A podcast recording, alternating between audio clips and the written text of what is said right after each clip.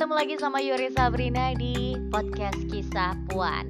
Nah, pada kesempatan kali ini Yuris akan melanjutkan kembali cerita tentang pengalaman Yuris waktu Yuris sekolah di STM. Jadi ini akan menjadi kisah Puan dengan judul ketika aku menjadi anak STM episode kedua.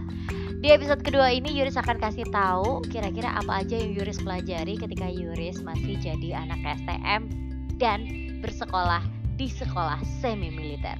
Jangan ke mana-mana, stay tune. Iris akan kembali setelah yang satu ini.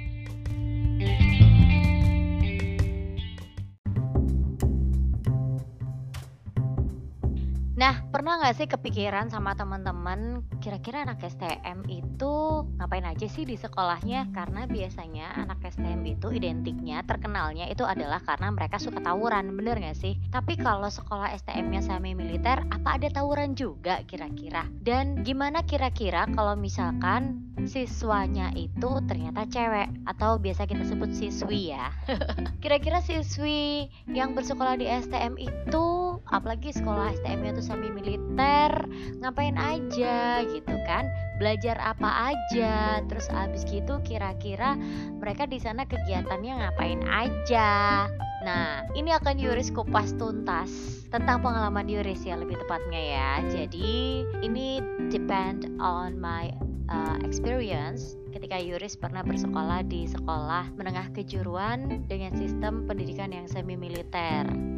Lalu Yuris ambil jurusan bangunan kapal waktu itu which is di mana uh, jurusan itu adalah satu-satunya jurusan yang disarankan untuk anak cewek yang pengen masuk sekolah kejuruan di sekolahnya Yuris gitu.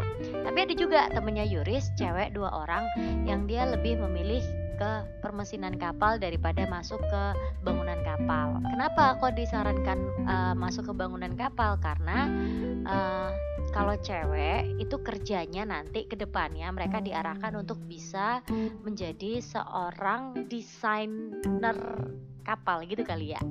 Jadi uh, ada pelajaran tentang menggambar tekniknya yang di mana ini bisa buat cewek banget gitu loh tapi ternyata di jurusan bangunan kapal ini itu nggak cuman ada mata pelajaran menggambar teknik tapi juga ada prakteknya dong pastinya ya nggak sih?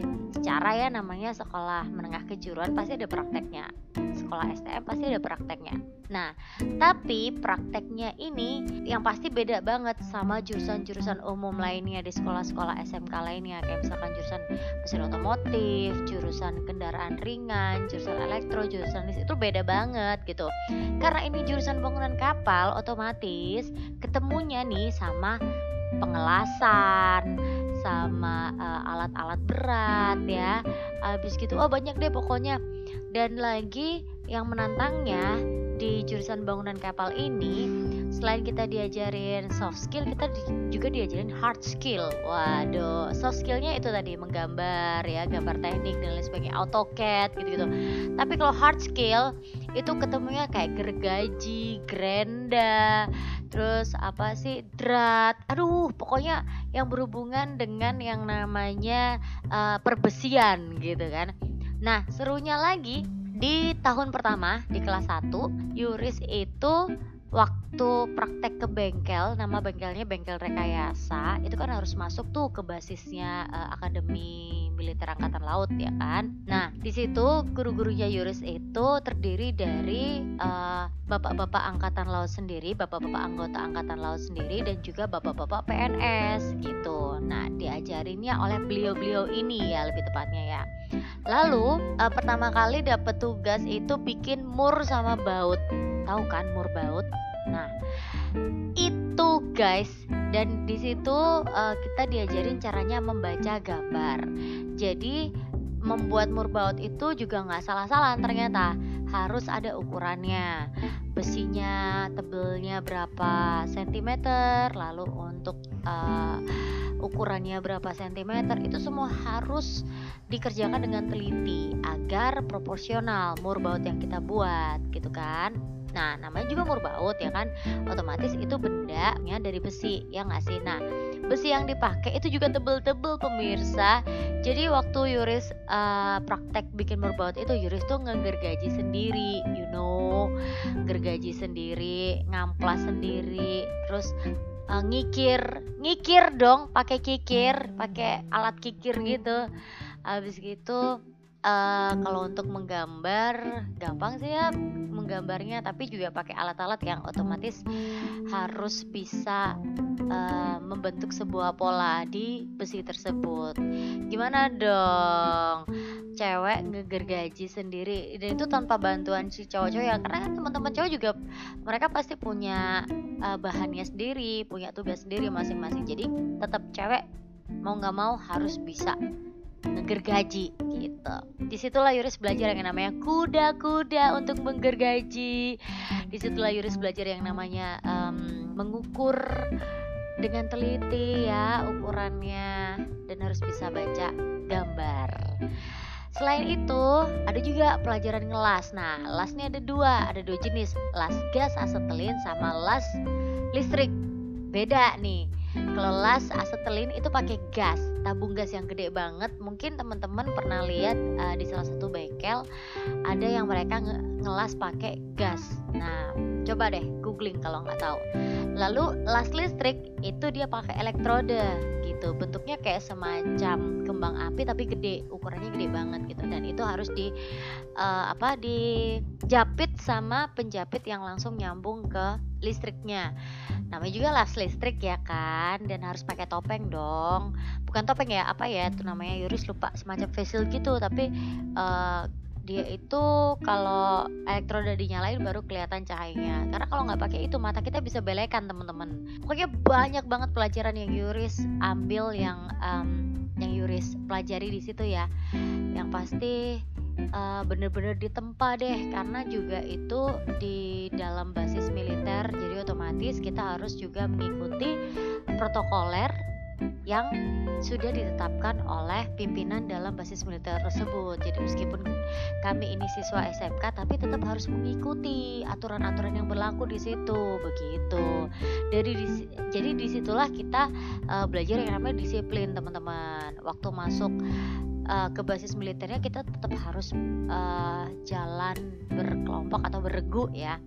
Nah, dengan didampingi satu danton, harus langkah tegap, harus tetap berbaris rapi gitu. Karena kalau enggak kita dapat hukuman juga oleh bapak-bapak anggota TNI itu. Begitu ceritanya.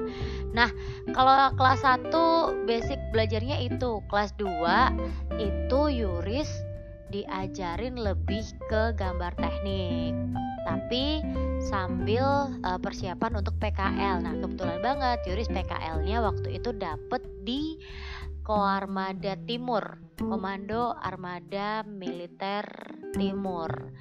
Kebetulan Yuris dapet di Bank Bakap atau bengkel bangunan kapal. Pas banget kan sama jurusannya Yuris. Tapi serunya lagi waktu Yuris PKL di situ kerjanya itu cuman nongkrong sama bapak-bapak anggota di bank bakap tapi sumpah bapak-bapak itu baik-baik semua. Gak ada yang jahat. Terus uh, kita belajar yang namanya apa mengenali macam-macam jenis kapal gitu kan. Ada kapal hovercraft. Kapal hovercraft itu dia kapal yang bisa di darat dan juga di laut. Terus kita juga diajak keliling ke kapal KRI Dr. Suharso kapal rumah sakitnya Angkatan Laut. Habis itu banyak banget dan yang lebih serunya lagi setiap bulan. Jadi kan uh, waktu itu PKL-nya itu selama tiga bulan ya. Jadi selama tiga bulan itu setiap bulannya itu kita selalu mengadakan yang namanya bakar bakar sate kambing. Luar biasa. Dan kita tusukin sendiri sendiri loh teman-teman. Ya ampun. Terus yang lebih uh, apa un, apa sih mem memorable banget itu ketika kita baru datang terus dikasih kerjaan. Tahu nggak kerjaannya apa? Ngamplas sekoci.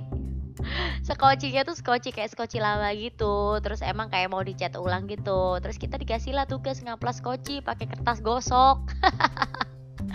Seru banget deh pokoknya. Dan ketika di kelas 3 kita sudah persiapan untuk uh, UNAS gitu. Jadi masih tetap ada praktek. Kita juga masih uh, latihan ngelas listrik gitu kan di plat.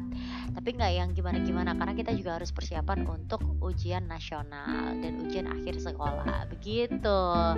Jadi itulah singkat cerita tentang uh, gimana Yuris dulu menjalani kehidupan sebagai anak STM ya. Jadi kalau misalkan anak STM itu identik dengan yang namanya tawuran, ya nggak semua sih ada.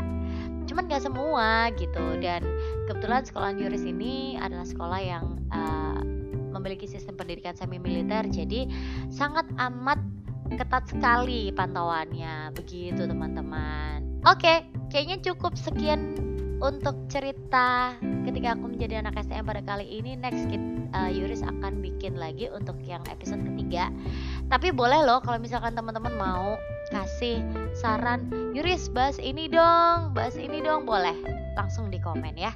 Ketik aja mau bahas apa, apa mungkin bahas Oh, Yuris, kamu kan dulu pernah dayung, cerita dong pengalaman waktu jadi atlet dayung, boleh banget. Atau mungkin pramuka. Uh, kalau kata orang-orang pramuka itu gak banget ya jangan salah pramuka itu menyenangkan loh nanti deh kapan-kapan kita cerita. Tapi boleh banget ya teman-teman kalau mau ngasih masukan insight dan saran masukan kritikan langsung aja di komen. See you. Sehat selalu. Stay safe. Stay healthy. Jangan lupa untuk minum vitamin. Assalamualaikum warahmatullahi wabarakatuh